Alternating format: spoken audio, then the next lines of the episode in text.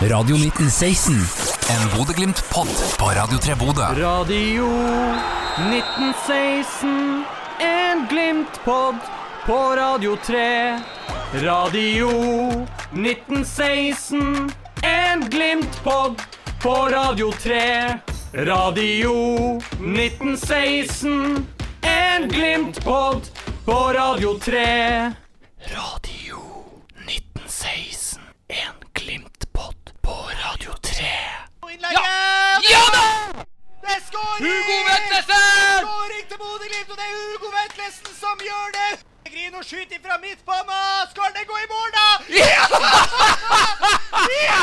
Ja da, Pellegrino! Og mål! Verdens største gud, Pellegrino! Har du sett for ei skåring? Endelig så er vi omsider tilbake med en helt rykende fersk eh, ny episode av Radio 1916. En Bodø-Glimt-podkast av Radio 3 Bodø. Thomas, du var med sist eh, også. Da prata vi med Julian Faye Lund. Nå har du en eh, ny mann ved sida av deg. Vi har, uh, flytta oss fremover i banen, får vi vel si, men ikke så veldig langt fremover i banen. Hvem er det som vi har med oss i dag? Vi holder samme taktikk som Glimt gjør. Vi begynner rolig bakerst, sentrer et par baller i bakre rekker, og så mover vi oss fremover. Så vi har tatt med oss en eh, kar som er født i eh, 1993, er 30 år. Når vi slo Lode, velkommen hit. Tusen takk for det. Min Ja, gode venn. Det var et ømt tema å si at jeg har gått inn i 30-åra, men uh, veldig kjekt med en fin introduksjon. Her, Det er Ganske sant, nylig inn i 30-årene uh, også. Hvordan føles det? Nei, vet du hva det føles når jeg liksom uh, de fleste andre bursdager som har vært de siste åra. Men jeg må ærlig innrømme at det var litt ekstra Jeg hadde en veldig fin feiring når jeg var hjemme. Vi fikk, eh, hadde fri den helga jeg var hjemme, så det var jo rett hjem i en uh, kjempesurprise. eh, bursdag, så det var utrolig kjekt å kunne være hjemme med de nærmeste og feire den. Er du fan av surprise-bursdager, eller er du sånn som meg, som blir forbanna?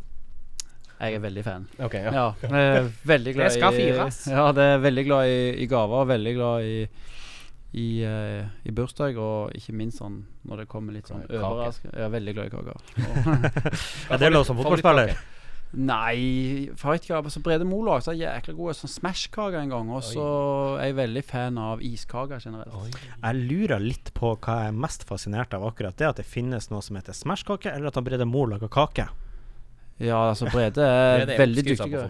Ja, altså han er utrolig dyktig på kjøkkenet. Om det var han, eller om det var Hans Anniken som lagde den, det kan jeg ikke helt si. Men ja, det det var, var Brede som kom med han. Ja. Ja, så det er altså man vet, Vi vet jo at eh, i hvert fall eh, treningsrutinene i Bodø-Glimt er ganske strenge, men, eh, men det er lov å unne seg kake til festlig anledning, i hvert fall. Det må gå. Det, er- det er ikke så ille. det Smash-kake. Ja, nei, nei og så er det Det, det var vel i 17. mai det ene året vi hadde det, når uh, vi prøver å samles og ha noe litt sånn sosialt i lag med laget. Så da må det være lov på, Ja. på visse anledninger å kose seg litt ekstra.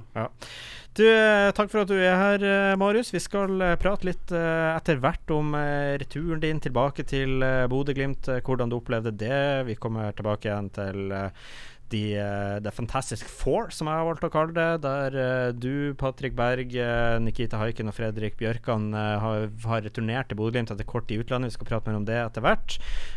Vi skal bryne deg på de ti kjappe vi har, vi har funnet frem. Ti raske spørsmål du skal få svare kjapt på. Det kommer vi også tilbake til.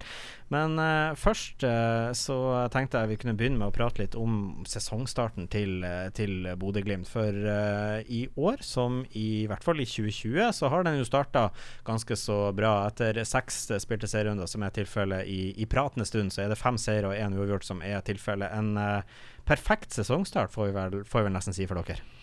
Ja, det syns jeg det er nesten en perfekt sesong. Ja, så det kunne Den slår jo ikke 2020, for da var det jo ti av ti de første, første ti. Men, eh, men det kan jo bli like bra etter elleve serierunder hvis vi fortsetter sånn her. Du vinner ganske mye penger i jackpoten hvis du kommer andreplass òg. Ja, du gjør jo det.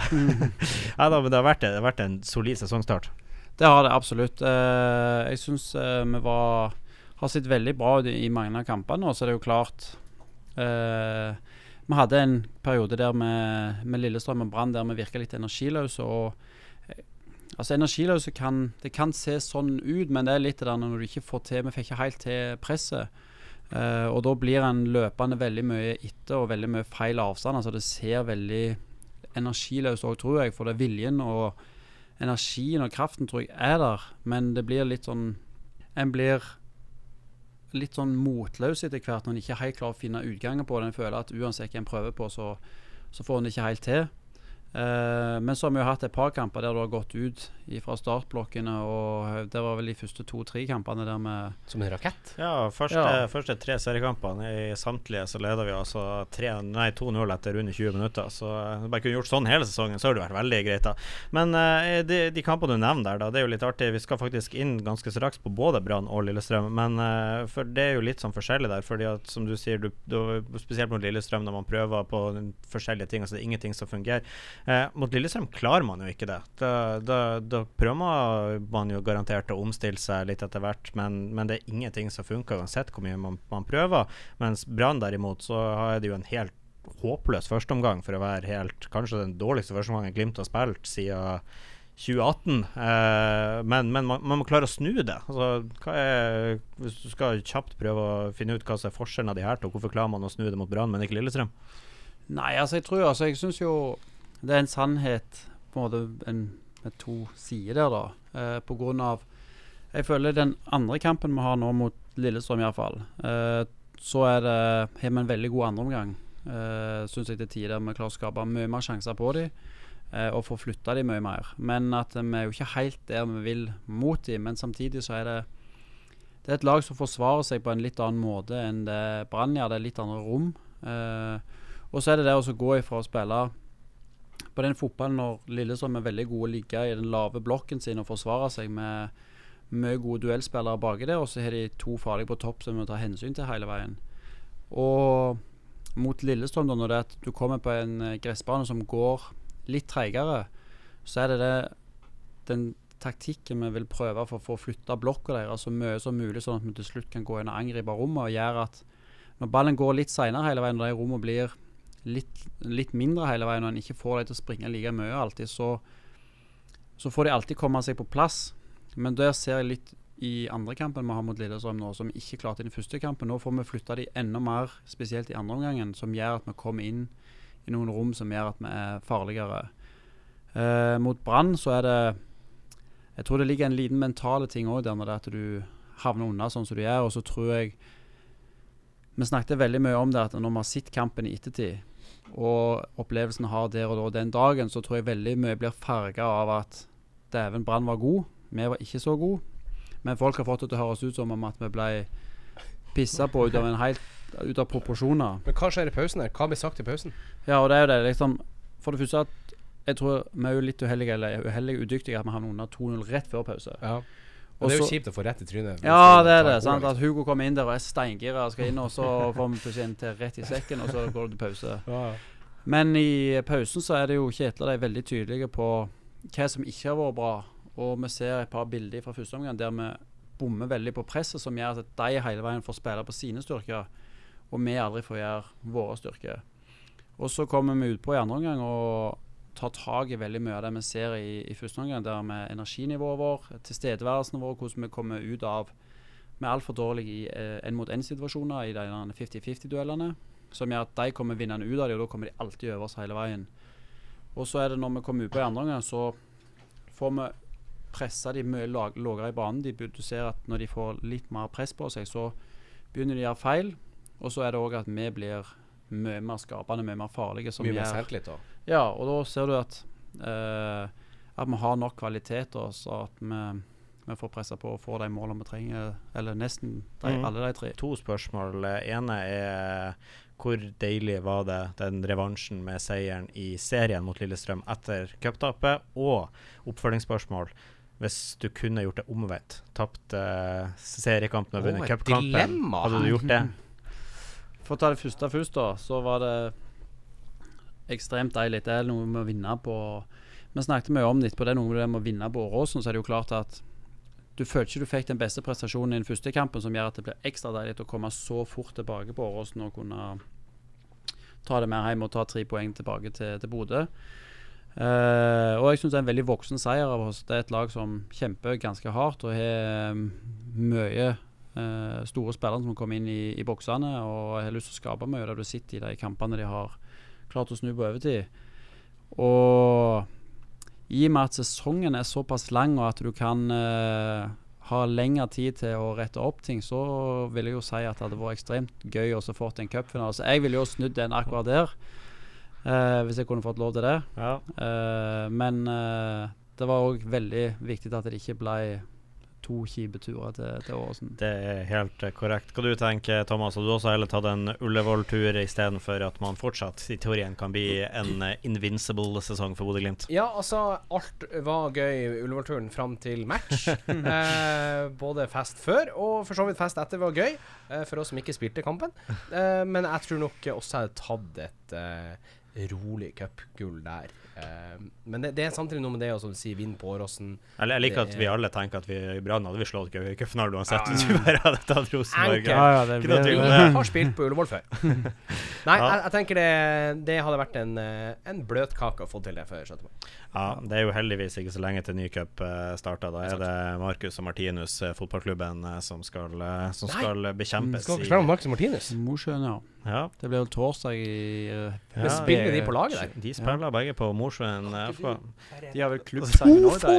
Er! Jeg tror de har klubbsangen òg til Ja, Mosjøen. det vil jeg- Det blir spennende å se. Det vil jeg absolutt uh, tro at eh, de har. Altså, det, det vil jo være litt feil hvis de ikke har, tenker jeg. Ja, det det, må jo være obligatorisk. Ja, det burde jo egentlig det. Hvis du har, først har to uh, barndomsstjerner som er der og kan synge, så burde det være. Jeg har jo sett at uh, sklir vi litt ut her, for det står ikke noe i skjevet mitt om prat om Marcus og Martinus her. Men når vi først Oi. er her, så, eh, så Nei, men du kom, det der kom fra klar, uh, lyn fra klar himmel på. Ja, Ja, så, ja, eh, er så må Nei, jeg bare spørre eh, at de har jo vært eh, Jeg ser at de er i hvert fall én av de De er ganske like, så det er ikke så lett å skille de to, først og fremst. Da. Men eh, jo da. Men, eh, men jeg ser de er veldig aktive på, på Instagrammen, og uh, Patrick annet har jeg sett at eh, han er enig om ikke begge av de Ja, men Patrick var fan mye. da vi var yngre. Ja, det, det tror jeg på, men det er det motsatt tilfelle. De som kommenterer Mm. mye. Jens Petter ser jeg også ofte når Martinus og Markus er inne og, og kommenterer. eh, Altså, det, det, blir, blir, det, det blir litt rart å stå på motsatt barnehalvdel av det som i dine øyne Mm. er sånn han Melodi Grand Prix junior-mennesker, eller har du lagt deg noen tanker om det der? Nei, jeg bare altså- det er artig. Ja, altså, jeg syns jo først og fremst det er veldig artig. Og så er det jo eh, Det er klart eh, Når jeg eh, Når Thomas Drage var i klubben, som òg er fra Mosjøen, Ja. så var jeg veldig mye med Thomas Drage. Han bodde også som en liten periode før han tok over sin. Og Han var der på Fifa en periode. ja, han er jo i overkant Marcus og Martinus-venn.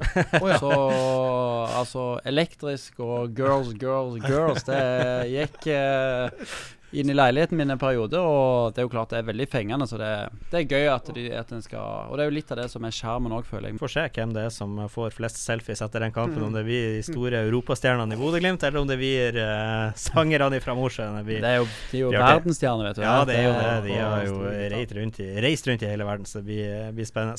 Radio 1916. En Bodø-Glimt-pod på Radio 3 Bodø. Vi får prøve å eh, roe oss inn igjen til Bodø-Glimt, som egentlig er tema her. Eh, jeg lurer litt på uh, midtstopperrekka til Bodø-Glimt uh, nå, uh, med deg, selvfølgelig. Og så har vi jo Brede Moe, som har fått en litt treig start på sesongen, får jeg nesten si. Skade etter første serierunde, og heldigvis kommet tilbake igjen nå, da, så vi håpe at han holder seg skadefri. Og så kommer Odin Bjørtøft inn, en til sin forholdsvis unge alder veldig rutinert eh, midtbane midtstopperspiller. Eh, har vel over 100 eliteseriekamper før han kom til Bodø-Glimt. Eh, kommer inn og, og spiller som han skulle ha gjort det hele livet sitt her. Vært så latterlig god, og dere hadde en fantastisk kjemi. Bak der har man talent i bl.a. Isak Amundsen også. Eh, den, den midtstopperrekka til Bodø-Glimt nå, og, og nå, ja, jeg tar høyde for at det var et fantastisk eh, kamp i fjor også, med Marius Høybråten, som nå også gjør det bra i, i Japan. Og i 2020-sesongen, eh, det er jo selvfølgelig din og, og Brede sin beste sesong i lag. Eh, men allikevel spør jeg nå årets utgave, da. Er det, er det den beste, og i frykt, fare for å bli historieløs, da, beste midtstoppergenerasjonen Bodø-Glimt har hatt?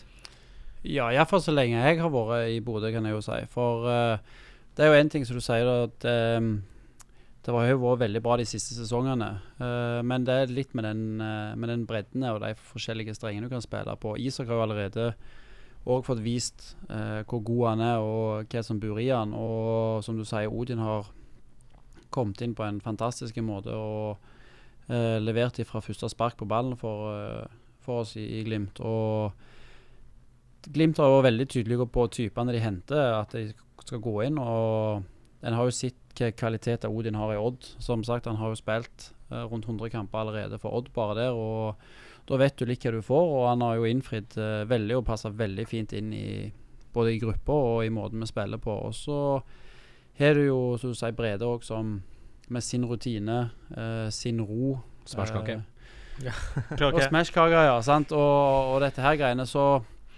Jeg tror vi er ei veldig fin gruppe som eh, Som du sier, da, at du kan, du kan tåle at folk er Eller at du har en skade eller noe sånt. Selvfølgelig vil jo alle alltid være tilgjengelige og være klare til å spille, men eh, vi kan lære veldig mye av hverandre, og så tror jeg vi kan fortsette å utvikle oss og, og pushe hverandre til, til å bli enda bedre. Og det er jo som sagt, altså, i en konkurransesituasjon så er det jo alltid noen som har eh, Som vil Så alle vil jo alltid spille, og jeg er glad at jeg ikke er den som må, må ta valget der, men uh, Ja, for- fordi at jeg, Unnskyld for at jeg avbryter der, men det var akkurat det jeg skal spørre deg om. Hvis du hadde vært den som skal ta valget, og alle er tilgjengelige, hvem er det du setter i startelveren da? Nei, Han skal det- svare på. Ja, det, spørre han om det var han som tok valget. ja, nei. Nei, altså det syns jeg er Det er litt vanskelig. å blir feil av meg å, å gå ut og si og sånn, men eh, Det var politisk korrekt svar. Ja, men uh, også jeg, har- spilt med, med alle tre i, i kamper. Jeg fikk spilt en del med Isak i 2020 òg. Uh, når jeg fikk kommet innpå i en, et par av de første kampene der og kom innpå når det hadde vært både skader og uh, vi skulle hvile folk og sånn. Og da kom han inn og leverte veldig. Og så har jeg jo fått et par kamper med Odin nå, og Brede er jo ja, det er jo en uh, makker jeg har hatt nå i, siden 2019 som har gått veldig godt og egentlig funka fra første sekund vi gikk ut på banen. Og Dere er som et Top Gun-paret. ja, det blir nesten litt Altså, du føler jo litt sånn òg. Altså, vi vet jo Det er fin sammenligning, det. Ja, du, du blir jo sånn Du lærer deg jo veldig, sant. At Ja. du eh, tid For mye av uh, Av den midtstopperrollen er jo litt sånn å så vite når skal du slå pasningen litt foran, når skal du slå på han. Når er det du vet at du skal komme over, når vet du at det, den andre er Timing, sikker eh, deg. timingvariant. Ja, det er liksom du, får, du har en kommunikasjon uten å snakke. Mm. Uh, og den biten og Men det er jo der jeg syns at det har gått overraskende fint, nesten sånn du ser uansett hvordan vi har En fin flyt. Ja, Ja, ekstremt fin flyt. Oppfølgingsspørsmål i forhold til Top Gun. eh, hvis, hvis dere er Maverick og Goose, du og, Goose du og. Brede Er du Maverick eller Goose? Altså Er du Maverick den tøffe som er litt sånn eh, tar sjanser, eller er du Goose som er den trygge og vær forsiktig nå? Altså, ikke for oss å bli, uh, bli altfor legenhet her, men altså, hvis jeg skulle få sagt, så ville jeg jo sagt at jeg er mer den som ville ha gjort dumdristige ting og mindre kalkulerte ting av og til, og så er det Brede som måtte ha Det har han vel sett litt i kamper òg av og til, at det, det kan gå ei kule varmt som meg, og så har du Så han er gusen din som holder deg nede? Ja, i så det Jeg skal få han Ja. Tom Tomax til å lage et bilde av dere. Kommer han, eh, kommer han Odin inn der på tampen av filmen? eh, Marius, you can be my wigman anytime. mm, Jeg vet at du har sett denne filmen og kan ut og inn, eh, Marius, for vi vet jo om dine F-16-kjærligheter. Vi skal faktisk komme tilbake ganske, altså, det er ganske så straks. Den siste filmen var helt rå. Det var faktisk ikke sett den, jeg skal gjøre det ja, det må du gjøre, for det Eh, Thomas, du, eh, du trenger ikke å være så politisk korrekt, korrekt, så du kan i hvert fall svare på eh, Hvis det er du som hadde sittet i Kjetil sine sko, hvem er ditt foretrukket midtstopperpar eh, til enhver anledning, hvis alle er klare? Problemet mitt er at jeg er god kompis med alle de midtstopperne. Eh, Ja, du får det vel. eh, Nei, jeg Du er vel mellom eh, ungene sine. Ja, nei, jeg tror nok det handler om eh, form eh, og hvem man spiller mot. Eh, Det er som Marius sier, at det er fin flyt i alle, men alle har sine egne ting. Og det kan ikke både være eh, Marius og, og Isak hver gang, for begge to er gira på å springe fremover og ta med seg ball. Mens Isak Nei, mens um, Odin og Brede er litt, litt roligere. Så jeg tror nok um, nå fremover så tror jeg Odin og Marius uh, er gode, og så må Brede Han har vært ute litt og har litt uh, Litt uh, skavanker her og der, så men eh, komme seg inn på noen ganger og få i gang kropp og sjel, så er han i gang. Forsiktig svar, men jeg fikk et svar i hvert fall der. Ja, gjorde du det? Eller klarte jeg den Nei, politiske treninga mi nå? Nei, du, du har fortsatt litt, litt å jobbe med. Radio 1916, en Bodø-Glimt-pod på Radio 3 Bodø. Men vi spilte mot Odd nettopp. Ja. Uh, og der, jeg skulle stille et spørsmål. Du, vi har snakka om det før. Uh, forrige uke, jeg du, når du fikk deg en karamell rett i hodet der, og det ble litt sånn vimsevims. Uh, da plutselig så sa du Jeg, jeg sto bare og så på det, jeg skjønte ikke hvor jeg så henne. Ja, nei, jeg fikk meg en eh, Altså, jeg vet ikke hva jeg fikk, om det var en skulder eller hode eller en albue eller et eller annet i hodet. Og så ble jeg bare så sykt svimmel, så jeg trodde jeg sto og så, så rett fram mot målet at jeg var på vei til å springe opp, opp gjennom banen for å komme opp igjen. Og så plutselig klarer å hente meg inn og så ser jeg at jeg står og ser rett på Odin. Jeg flirte meg jævlig hvis du har sprunget ned Odin. der. Ja, det hadde vært ganske eh, Tenk bare sånn. Men det var bare et i Litt sånn Harry Maguire-klipp, det, da. Ja, Men det var bare så sjukt rart akkurat der og da. For det var Jeg har liksom fått en sånn der dunk før der du bare sånn, risser av dem med en gang. Men nå var det akkurat som bare øynene spant litt. Og så, men det er heldigvis Litt sånn lørdagskveld, går gå og legge seg etter to øl klokka kvart på tre. Ja, sånn det oppleves vondt å lukke øynene, for da går alt rundt. Ja, ja. Nei, men eh, da, da vet vi alle hvordan det er der. Alle, alle har opplevd det en gang eller to. 100 Vi snakka nettopp eh, så vidt om det. Det var litt pilotsnakk, og eh, vi har jo hørt det her litt eh, før, men eh, det skader jo aldri å ta opp et eh, vondt minne i, igjen. Egentlig skulle det her være et veldig godt minne, men for noen så føltes det sikkert litt kjipt. eh. Vi skal tilbake til 22.11.2020. Egentlig skal vi tilbake til 23.11.2020. Da satt eh, jeg og en, eh, noen andre journalister og en, noen supportere sikkert også, og, og nesten hele Bodø-Glimt på SK41. 16, kanskje? Nei, sikkert tidligere.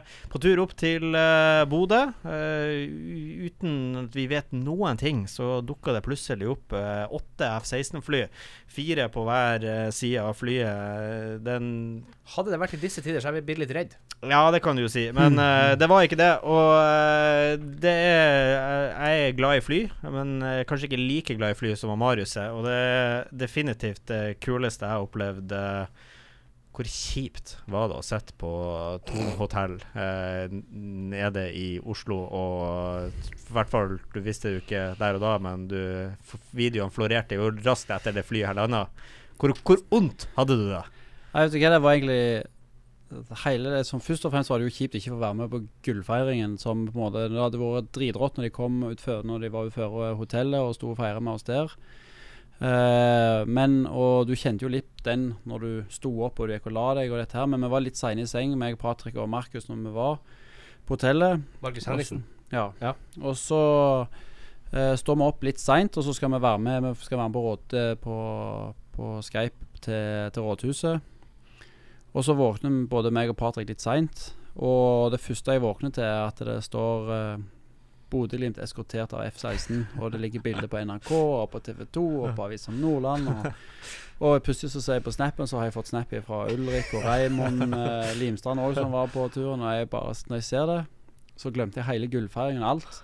Det var bare så ekstremt vondt å på en måte ikke få lov til å sitte og se på det. For det er til og med for de som egentlig ikke bryr seg. De Når de har sagt det var faktisk så sinnssykt rått å oppleve hvor nært det var. Og det er vel kun nesten Air Force One-fly til presidenten i USA som har hatt nærheten av eh, samme bevåkning, så Altså, det er åtte fly, fire på hver side. Det er, det er ikke ofte det skjer, altså. det er ikke det. Så Nei, det er ganske de andre landene rundt satt og tenkte Hva i faen er som fraktes her? Ja, ja, det, Er det gullbeholdninger? ja, det, Ja, det er jo det. Er jo det. Ja, det var jo det. Det var Men, eh, verdt gull, i hvert fall. Ja, nei, så det var Det er faktisk et litt vondt minne, det er det. Det skal jeg innrømme. For eh, Ja, fordi det, det, er jo ikke, det er jo ikke bare det her for din del. Det, det, det må jo være tidenes eh, Altså Berg-og-dal-bane blir jo litt feil, for da går det jo opp og ned. For her starta det jo som en drøm for deg, og så ender det opp i nesten et mareritt. Og Du snakka jo om landslagssamling, du blir tatt ut i din eh, første landslagstropp, og det vel gjerne også. eh, gjør deg klar til å forhåpentligvis få en langsagsdebut, og så blir landslagsdrømmen knust, og så blir det Altså, jeg, jeg Unnskyld at jeg sitter og flirer av det, Nei, men det, det er jo litt artig. Ja ja, er altså Sitt i ettertid. det det, er så, det er jo så sykt, da. Ja, så sitt i ettertid så var det en samling som skulle vare hva det var i ni dager. Vi endte opp med å være der i 21 dager på hotellet. Så Kan det tonetallet inn og ut nå? Ja, så den I hvert fall den etasjen der, Sjette etasjen, sjette. sjette etasjen der, den, eh, den fløyen der, den, eh, den kan jeg gå for. Det de andre hotellrommene sto jo åpne og sånn. Og vi var jo det eneste, for de stengte av den fløyen der meg, Patrick og Markus Henriksen bodde. Og så bodde de andre som måtte være i karantene. Ja. For vi var i full isolasjon, og så hadde de andre i karantene. Jeg måtte bo på andre fløyen. Så da satt vi nå der alene og hadde jo heldigvis sosialrommet som vi kunne gå inn og, og, og se, se film og fikk servert eh, middag fra, fra de andre hver dag. Der Kom vi de fikk, eh, hazmat-drakt med middag? Nei, de kom med ei svær tralle, og så stilte de den på gangen, og så sendte de melding at nå står maten uh, utføre, så nå kan dere gå og plukke. Så Det er Nei, det her er, det er jo bare litt over to, to og et halvt år siden, og likevel så kan man og tenke at, tenke at det var sånn. Det er helt sykt. Ja, vet du, Men det verste er at det, det føltes nesten litt vemodig ut når vi slapp ut òg. For det at det var Du hadde liksom vært inn på Ja, men det var liksom Det var, så, det var egentlig litt sånn Jeg koste meg òg når vi var på hotellet. Når meg, Patrick og Markus Det var fotballtennis i gangene, og det var bordtennis eh, i mange timer hver dag. Fikk litt sånn Stockholm-syndrom over det hele. At Ja. du vil, vil, vil, ble kjær i det her greiene Ja, det var litt det. Og så var det jo klart det ble en veldig spesiell avslutning når vi feide over eh, Rosenborg eh, her hjemme på Myra før vi skulle slippe ut. Fikk sitte og se den i lag med Markus Henriksen. Da var det god stemning. Det var veldig god stemning blant to av oss. Så det var Sitte på det, så var vi endelig ferdig med Du, du, du, du kan fortsatt snakke med Markus. Dere er ikke sånn, dere, dere er fortsatt på talefot. Ja ja, det er vi heldigvis. For det Han òg sa jo bare det at ja, det var Gratulerer. Han, hadde jeg vært han, så hadde jeg sagt at nei, sånn som skjer når ikke, ikke jeg spiller. Ja, det er jo den en kan kjøre. Enkelt og greit. Radio 1916, en Glimt-pod på Radio 3. Du, tida flyr i godt lag. Eh, vi går eh, videre til eh, neste spalte. Vi skal ta ti kjappe. Vi har uh, satt sammen eh, ti, ti raske spørsmål som eh, vi uh, Mye likt av det vi stiller hver gang, men så bytter vi det jo selvfølgelig ut etter hvem vi har som, som gjest. Så da spør jeg deg, har han, du som er Marius-eksperten her, Thomas, har han Marius noe artig mellomnavn jeg kan ta med? Jeg vet ikke. Ikke det? Bare Marius Lode? Yep. Ja, ok. Ja. Og så artig med Enkelt-. Julian Faye Rekdal sist, så Ja, det skulle var bare gøy. se om vi gøy. kunne hatt noe Visste artig her det? òg. Hva heter Julian Faye Rekdal Lund? Ja, nei, det, Rekdal med- det. Ny informasjon. Og han er ikke i slekt med Kjell Rekdal, det det fant vi også ut. For å si det mildt Ja, eh, det på, ble- på plass. Ja. Marius Lode. Oi. Er du klar for ti kjappe? Ja. Bryn eller Bodø? Bodø. Beste medspiller? Oh. Altså, det er jo litt sånn Jeg har spilt med Erling, da, så da blir det jo Erling. Ja. Name drop! Verste motspiller? Uh, for min del er sånn uh, en kamp i karrieren så det var, var det Øyvind Hoaas var den verste jeg møtte en periode. Ja, OK. Nevnt. Uh, gress eller kunstgress? Gress. Favorittmåltid? Middag. Spesifikk middag. Eh, det jo, rett? det er jo Folk sier frokost. Når du sier favorittmåltid, så er det jo frokost, lunsj, middag eller kveld. Ja, greit. Jeg, jeg tar det jeg tar, Folk sier jeg tar det på min kappe. Dårlig for, ja, men det er faktisk ekstremt bra. Uh, Ja, favoritt, favorittrett?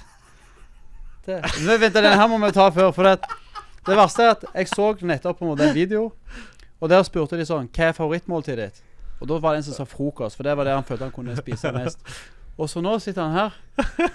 Det er det dummeste jeg har hørt. Favorittmåltid.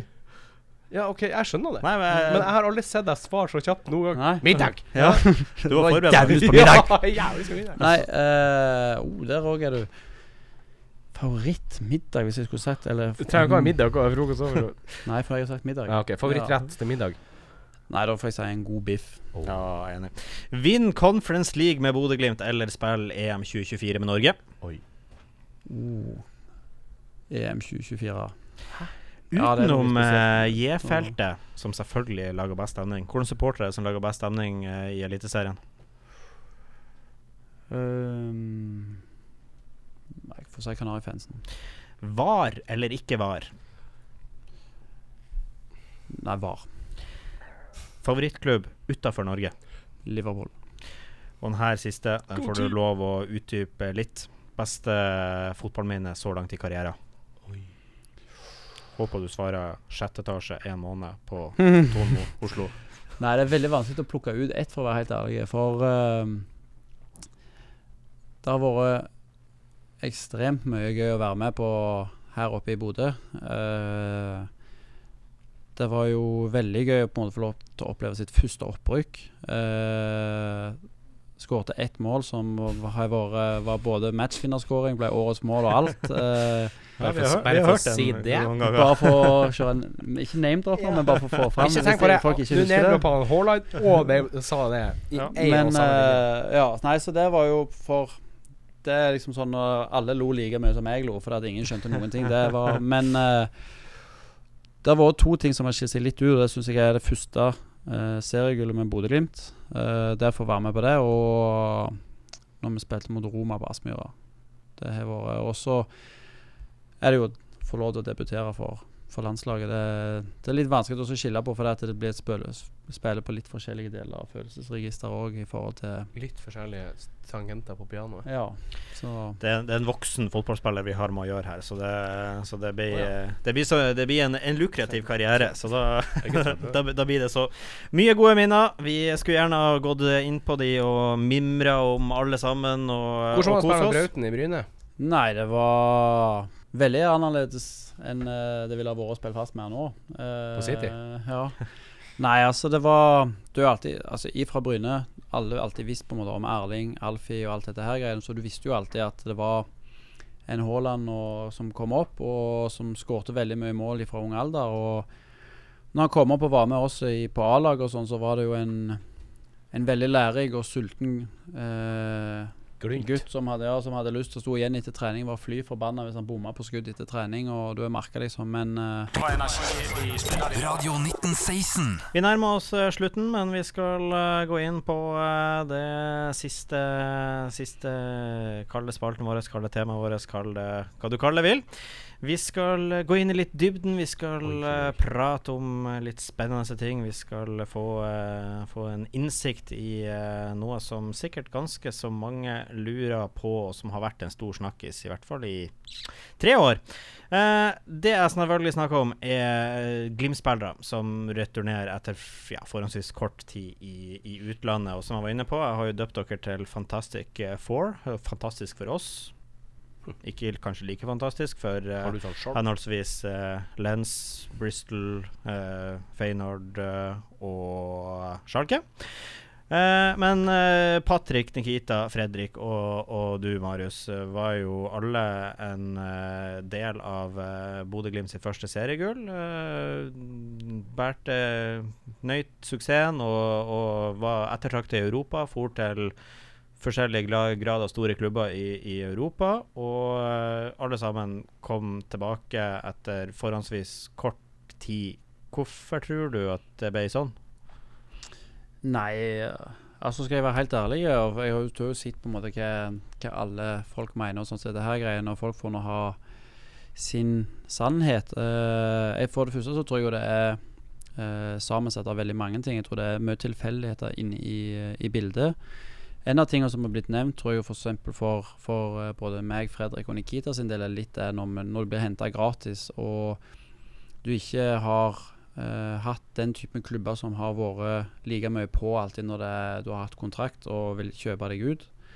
Eh, for Patrick sin del så tror jeg òg det er litt at de var, var veldig interessert. De hadde gjort en veldig god research på, på Patrick. Patrick hadde snakket veldig mye med, med agenten sin, og de eh, hadde vært veldig tydelige på at de hadde besøkt klubben, eller de hadde vært, agentene hadde vært nede og besøkt, tenkt at dette her var Det- utgangspunktet et veldig gjennomtenkt valg. ja, eh, og de òg var veldig klar på hva hans rolle kom til å være, hvordan han skulle få lov til å spille seg inn, og så hva tanker de hadde for han seinere. Og så eh, er det jo litt sånn med fotballen at du, du vet aldri hva du går til, du vet aldri hvordan ting utarter seg, og det er forskjellige ting som, eh, som påvirker til at en ikke får like mye tid eh, og sjanser som en skulle ønske. Uh, Patrick syns jeg nå leverte godt i de kampene, og så tror jeg at det var både litt en livssituasjon og Uh, han hadde lyst til å spille fotball fast. Uh, Merka det at selv når de solgte han ene, så plutselig så kom det inn en ny som de lot uh, plutselig yte mye mer uh, sjanser og tillit enn det Patrick gjorde. Og jeg tror at det er jo en ting med det å være selvfølgelig være sta og stå i det og, og være igjen og så kjempe på en måte for å få den plassen. Samtidig så tror jeg og det kan lykkes for noen, og så tror jeg også det er viktig også å være sånn at en skal ikke være så bastant på at det her skal fader meg lykkes uansett koste hva det vil. For Gress er ikke alltid grønt på andre sida. Nei, og da var det sånn at kanskje Han hadde jo tilbud å gå til, til et par belgiske klubber og alt dette her greiene òg, men valgte, tenkte at Bodø-Glimt er et, rett og slett et bedre valg, og da er det kanskje ikke en så stor nedtur. Og du har jo sett Nå har han gjort noen veldig gode landskamper sånn i ettertid, så jeg tror egentlig det er litt tilfeldig at det ble, ble Bodø-Glimt for han da igjen. Eh, det er nå et veldig godt eh, alternativ å skulle ut og spille Europaliga. Eh, for min del så eh, har jeg jo vært eh, veldig analytisk egentlig på, på alt eh, hvordan ting ble gjort, og hva, hvordan, eh, hva jeg hadde tenkt når, når det skjedde. For uh, nå tar jeg jo egentlig bare alt da, istedenfor Ja, altså, jeg, jeg, jeg ja. synes du er veldig jeg er imponert over at du liksom tar alle sammen. Så det er egentlig fint å eh, ta din egen situasjon, men det at du det er jo nydelig for oss. Ja, altså for min del så tror jeg jo det uh, var Jeg hadde hørt om interessen fra Schalke egentlig siden sommeren Uh, i 2021. Og de skulle komme og se mot, eh, eller kampen mot Roma borte. Og visste at de var interessert. Og så trakk de seg litt unna etter hvert fordi at de fikk tilbake den ene stopperen fra, fra langtidsskade. Uh, og så kom desember. Jeg hadde egentlig skrevet ned uh, Madammen søkte jo òg jobb i Bodø. Fordi at jeg var ikke sikker på om jeg kom til å signere for en annen klubb i utlandet. Så derfor fikk vi i hvert fall til å søke sånn at hvis jeg ble værende i Bodø og signert ny kontrakt, så hadde hun allerede søkt jobb i politiet som politiadvokat her. Eh, og da hadde jeg skrevet ned i lista litt hva som skulle være kriterier for den klubben jeg skulle gå til, litt i forhold til egentlig til spillestil, uh, til land, og uh, hva jeg måtte tenke på i forhold til vir virkelig om de ønska meg Om de trenger politiadvokater. og om de trenger politiadvokater i utlandet. og så ble jeg jo egentlig litt sånn Når jeg har på det, tenkt på det i ettertid, så ble jeg kanskje litt for Jeg har ikke stått i den situasjonen på den måten tidligere med den typen interesse, og takket nei til et par tilbud veldig tidlig i desember når det nærma seg jul, så var mer ifra eh, land som tilbød veldig lukrative penger, eh, som jeg ikke var så interessert i på den tida i karrieren min. For Uh, selvfølgelig vil alltid, og jeg skjønner veldig godt at folk reiser på en måte der de kan uh, sikre seg sjøl, familie, absolutt alt på en måte sikre seg veldig sånn. Og det var jo Det er jo jobben deres. Ja, det er jo det. sant? Altså Det er jo en jobb. Men samtidig, for min del, så var det at jeg føler at både At når jeg har vært en liten late bloomer og alt dette, jeg føler at ting har kommet veldig litt sånn seinere i karrieren min, så har jeg lyst til å se hvor høyt nivå kunne jeg spille på, og om jeg kunne prestere på et høyt nivå over jevn tid, som gjorde òg at jeg kunne være med Norge og, og spille seg inn til faste plass i mitt forsvar der, til å gå ut og være med i, i sluttspill med Norge. Og jeg tror hele situasjonen med hvordan alt fungerte, liksom hvor mange ting som blir dratt i og sånn, og det at ting begynte å komme Jeg snakket en dag med Solbakken, eh, Ståle Solbakken, og han sa at de siste 14 dagene av overgangsvinduet i januar er ofte da det er eh, mest trafikk, og at det skjer mest. Og jeg måtte ha litt is i magen. Og dagen etterpå så ringte Skjalk igjen og sa at eh, spurte om jeg kunne komme ned dagen etterpå. Jeg var litt sånn Akkurat der og da så var jeg egentlig litt sånn tilbakeholden til det. Og etter jeg ha snakket litt med folk som følger tysk fotball veldig, og alt sånn. Og så ble vi enige om vi skulle reise ned der og ha et møte med dem og se hvordan det var. Men sånn i alle de faresignalene som jeg oppdaga der og da, når det at treneren var veldig tilbakeholden på mye informasjon om hvordan, hva de så for seg var Ikke min rolle, for det var han veldig tydelig på, men på en måte mine styrker, hva han ville ha av, av meg som spiller inn i laget.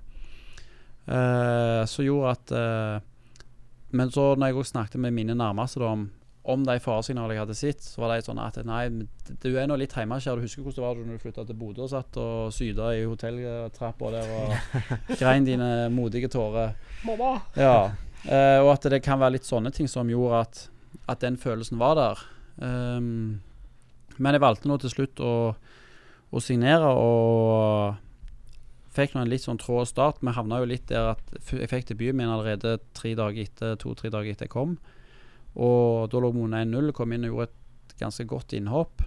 Uh, men vi spilte uavgjort mot et litt dårlig lag. Treneren fikk et ultimatum om at uh, hvis vi ikke vinner neste, så får du fyken. Ja.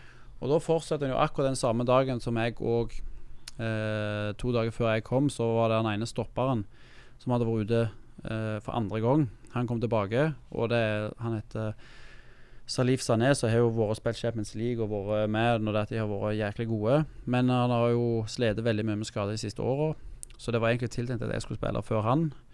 Men nå begynte plutselig treneren å skulle bare stole på han.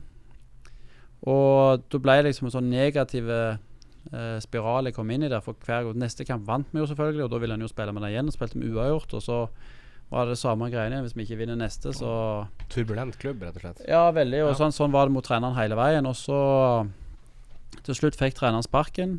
Fikk vi inn eh, en ifra som jobbet i klubben, som kom opp og som ble hovedtrener. som heter Mike Buskens. Og han hadde med seg en assistent som også jobbet i klubben, som heter Mathias. Og de var, hadde jeg et veldig godt forhold til etter jeg hadde, hadde kommet og jobbet mye med de ekstra. Eh, og fikk nye minutt igjen eh, i neste kamp, og så starta jeg to kamper bra. Eh, der jeg hadde fikk en god start og fikk to assister i min Ja, første gang kamp. det var vel den som pika karrieren din der, for det husker jeg veldig godt. Jeg, husker ikke hvordan kamp vi var på, men jeg og du satt på et fly hjem fra en eller annen bortekamp til Glimt vi hadde kommentert, og så bare tar jeg opp telefonen, og så viser jeg at ah, Marius har to assist i dag. Mm. Jubla inne på flyet. Ja, ja, jo, takk. Var, ja, men det var liksom for min del også var det veldig godt på en måte å få lov til å vise, for at jeg spilte høyreback. Eh, og måten vi forsvarte oss, var jo litt at vi forsvarte oss jo i en femmer, og så var jeg en offensiv wingback i, en, eh, i angrep. Og så fikk ny sjanse i kampen etterpå igjen, og gjorde egentlig en helt grei kamp der òg. Og så kom eh, sportssjefen og treneren bort til meg eh, bare to dager før vi skulle spille neste kamp igjen, den tredje kampen jeg skulle starte bra. Og var sånn at vet du hva, Marius, nå har du denne uka her så har du sett meget bra ut. Nå begynner du liksom å være eh, der vi har, har håpet du skulle komme. Det har vært bra i de siste kampene, men nå begynner du å finne deg mye mer til rette i posisjonen din. og Du ser mer fitt ut i kampform. Mm. Og han sportsdirektøren òg, som het Peter Knabel, som var egentlig han som var hovedpådriver for å få meg til klubben, han òg kom bort og bare 'Nå er du den spilleren som jeg så når vi ville hente deg'. Og, Mm. uh, og så dagen etterpå testet positiv for korona. Er ute i ti dager med korona. Og uh, der gikk det på en måte òg en Altså Jeg vet, vet ikke sjøl hvor mye det har å si, men plutselig begynte å gå rykte i garderoben om at jeg hadde vært ute og festa. Uh, og etter en eh, For jeg hadde vært på Dortmund-kamp for det at etter, rett etter kampen mot uh, Dynamo Dresden, som var den andre kampen jeg starta bra, så var jeg og så Erling og de uh, spille kamp. Og så var det at uh, det er noe som heter Haaland-gruppen eller et eller annet sånt hjemme. Altså norske gjeng? Ja, fra Bryne, da. Som eh, eh, Det er en slags eh, arena der de samles med næringslivet på Jæren.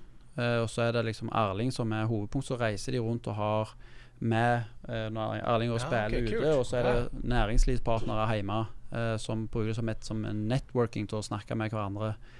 Og der kjenner jeg jo veldig mange fra Brynetida mi. Og var med de bare ut og åt etter kampen.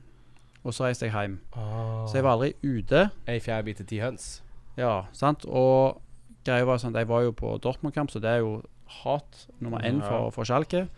Og eh, jeg var ute og åt på en måte med Bryne sine samarbeidspartnere, som er på en måte folk jeg kjenner veldig godt hjemmefra. Og altså hvor mye det har å si, det vet jeg ikke, men ting begynte jo å gå. Men når jeg kom tilbake til de ti dagene fra eh, karantene, så snakket aldri trener til meg igjen. Yes. Aldri sportssjefen og aldri sportsdirektøren. Og når vi reiste på ferie, så reiste meg og, meg og Vilde skulle reise til, til Mexico på sommerferie. Og da sa de bare sånn eh, God ferie, og snakkes til, til oppkjøring. To uker etter, eh, eller egentlig bare halvannen uke inn i ferien, så får jeg en telefon om at det kan kanskje være smart å finne seg en ny klubb til, til høsten. Og jeg ble jo helt sånn satt ut, for det at da er det sånn Hva er det egentlig som har endra seg? Det var Jeg fikk spille, fikk så gode skussmål. De tar meg inn på kontoret og ut fra trening for å fortelle meg liksom hvor, hvor bra ting har begynt å gå. Uh, så når du snakker om uh, lyn fra klar himmel, så ble det veldig sånn Jeg fikk oppleve litt hvor kynisk det kan være når det er at du går ifra å nyte litt tillit, og så plutselig bare radio silence ut av, ut av ingenting. Og liksom du ikke blir ikke snakka til, du blir ingenting. Og når uh, oppkjøringen da begynte, så var jo jeg veldig fast bestemt på at eh, vi hadde fått nye trenere igjen. Eh, og, Og tre trenere på rad der, liksom. ja, jeg hadde- tre trenere på min tid der. Og han tenkte sånn OK, jeg skal møte opp. Jeg møtte opp litt tidligere. Enn, eh, for jeg hadde fått litt lengre ferie, for vi hadde jo den verdens lengste landslagssamling den på sommeren. Så varte de 16 dager der. Og da fikk vi egentlig litt lengre ferie, men jeg møtte opp eh, fire-fem dager før min ferie egentlig var over. For jeg hadde lyst til å så vise liksom, at jeg har lyst til å være med. Men når jeg kom der, så hørte jeg jo egentlig han treneren sa jo bare de samme ordene som sportssjefen hadde spytta ut til meg i telefonen flere ganger. Og da òg blir det jo litt sånn Jeg tenkte ja, jeg skal i hvert fall prøve. Jeg skal få være med og spille noen treningskamper og se hvordan det er. Og så merka du jo etter hvert at det var jo ikke sjans uansett hva jeg gjorde, uansett hvordan det gikk på trening, hvordan det gikk i kampene. Så merka du at de hadde bestemt seg, og da òg er jeg litt der at ja, det er ikke vits på en måte å sitte her på en måte og heve mer penger bare for at, eh, at du kan få det. For det, du trives jo ikke på samme måten. Altså, jeg, sosialt gikk det veldig fint. Hadde et par veldig fine kompiser som jeg snakker ennå med den dag i dag. Men um, Man må trives i jobben sin. ja, du må det. Og det var litt det som var òg når jeg fikk begynt å få tilbud fra Hellas, Kypros og litt sånn andre plasser. Hvorfor får du ikke kunne- til Hellas? Skal jeg få på ferie til Hellas og se et match? Det kunne, men det var litt sånn altså du, Hellas har ikke Myklebostad. Nei, de har ikke det. Eh, og ikke Bodø golfsenter. Nei, vi kunne ha laga det. Ja, Avdeling Kreta. Ja. det kunne vi. Men så det gjorde egentlig at Det var ikke det jeg hadde lyst til. Du vet liksom hvor eh, Hvor altså følelsesstyrte de er nede i de landene der de skifter jo trenere, de skifter sjefer, og du har en president som sitter på toppen nede i de landene og blir plutselig fly forbanna og sier nå får ingen lønn på to uker for du har tap mot uh. Ja, sant. Og, og så var det litt uh, Når jeg tenkte på alt og sånn Så jeg snakket en del med Patrick òg før begge egentlig tok litt sånn valg og, om å komme tilbake òg, og det var Du har veldig mye godt i Bodø. Bodø er en fantastisk klubb. Å være i Bodø er en fantastisk by å, å utvikle seg i. Å være i, på en måte, for det er en veldig varm og nær by. Og så får du lov til å være med. Det er jo en grunn til vi har klart oss å få fram så mange landslagsspillere de siste åra, og ikke minst for min egen del. Så det er jo tross alt der jeg tok steget og ble både en landslagsspiller, seriemester og har hatt såpass mange gode opplevelser. Og da ble valget egentlig litt enkelt for min del til slutt. Ja, det er, jo, det er jo en helt utrolig historie. Nei, Det er fantastisk. Det er jo egentlig på grensa til rørende. Uh, begynner å skrike der borte. ja, jeg holdt på med saken. Uh, det som også er litt interessant, her, det er at uh, du kom jo tilbake til Bodø en eller annen gang på sensommeren uh, det her eh, året eh, 2022. Men eh, 17. mars 2022, det var datoen jeg fant ut at du ble å komme tilbake til Bodø-Glimt i sommeren. Da det da jeg var og så eh, AZ Alkmaar borte. Da var du i Alkmaar, og eh, vi satt bl.a. og prata på, på radio i, Mm. på tribunen der, og jeg så en, eh, en, en rørt Marius Lode som savna mer enn noe annet å Mm. stå ute på den gressmatta der i helgult. Og jeg, der og da visste jeg. Visste jeg at Marius, du blir å komme tilbake. Det var ganske gøy, da. Når vi møttes der. Ja. Det var show. Ja, det var det. Og det var på en måte Du føltes jo som om du ikke hadde vært vekke noen ting ennå. Du kom bare der og du traff alle folk, og du visste du kjente. Sant? Kunne komme og sette meg med dere og sitte Ja, og snakke som Og Det som jeg syns var artigst der, det var for så vidt at du kom opp til oss først, men når du gikk ned og skulle stille deg på sida og si hei til gutta alle bare dyr, Det var ikke noe fotballkamp som skulle spilles her. Alle kom bare sprengende og skulle si hei. Og det er jo det er jo som du sier, det er jo det å trives i gruppa og ha alle de som tror på deg. Det er jo noe med det. Og det er jo som i arbeidslivet, du må ha noen som tror på deg når du skal gjøre noe bra. Da Mm. går det jo bedre for, for alle. Ja. Så er det. Og, Og, Nei, det er sinnssykt. og bare for å si òg sånn at du Det er jo så mange snakker om at det er så nedtur å komme tilbake, og at ja, dere har vært så mislykka på en måte ute og sånn, men det òg mener, det er jo en sannhet med modifikasjoner. For det at hvis du ser på en måte sånn Patrick, når han kom og så fikk spille et par kamper i, i Lans og var med og snudde et par tøffe kamper, han spilte noen gode kamper. Fredrik var i en periode i, i Herta som de bytta trener hele veien. Og det, altså Laget fikk jo ikke til noen ting. Og det er vanskelig å komme inn og så Mye tilfeldigheter. ja, det er det. For du, du, hva skal du gjøre da? Altså, det, selvfølgelig Til syvende og sist så tror jeg at vi valgte kanskje litt feil. Mhm. Så det skal jeg være veldig ærlig på. Og at jeg burde nok ha valgt noe annet og hatt mer is i magen.